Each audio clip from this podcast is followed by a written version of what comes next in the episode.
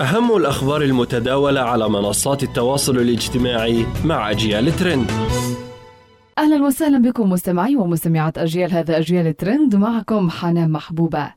أثار مشهد المهاجم المغربي سيفيان بوفال مع والدته عقب المباراة مع البرتغال إعجاب الجماهير وحصدت صورتهما مشاركات عاطفية واسعة عبر مختلف منصات التواصل الاجتماعي.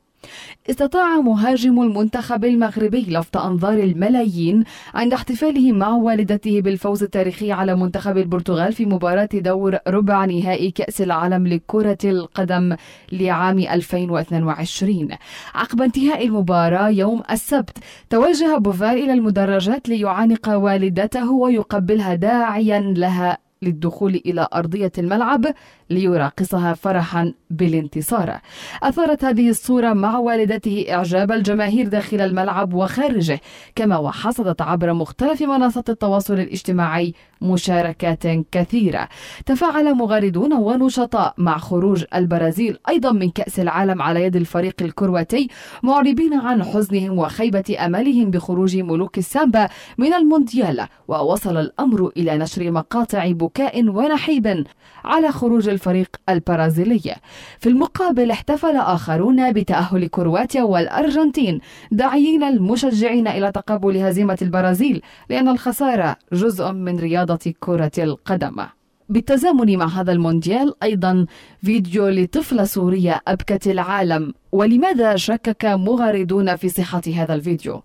ضجت مواقع التواصل الاجتماعي بمقطع فيديو لطفلة سورية لا يتجاوز عمرها السبع سنوات وهي تبكي من البرد والجوع وتتحدث عن الصعوبات التي تواجهها منذ وفاة واستشهاد والدها وظهرت الطفلة في الفيديو الذي انتشر على نطاق واسع عبر تويتر وهي تتحدث عن معاناتها في مخيمات النزوح وقد قوبل مقطع الفيديو بتفاعل وتعاطف واسعين عبر عبر مواقع التواصل لكن البعض شكك في صحته ليزيد ذلك من الجدل الدائر حول هذا الفيديو فما التفاصيل وما حقيقة ما أشيع؟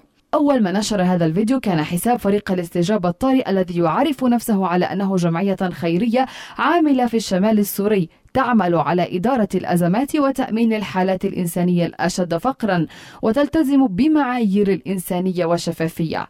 وفور نشر هذا الفيديو سارع رواد مواقع التواصل الاجتماعي للتفاعل مع هذا المقطع الذي يعود للطفلتين السوريتين صبا وإلاف وأعرب كثير منهم عن حزنهم وتعاطفهم مع الطفلتين.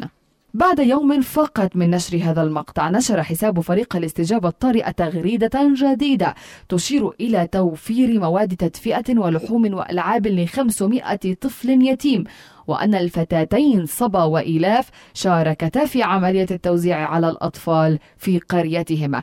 كما وتبناهما أيضا جهات معينة. على الرغم من تركز أغلب ردود الفعل حول معاناة اللاجئين السوريين في ظل طقس شتوي قارس لكن البعد السياسي كان حاضرا بقوة في نقاشات المغردين. نهاية أجيال ترند دمتم بخير وإلى اللقاء.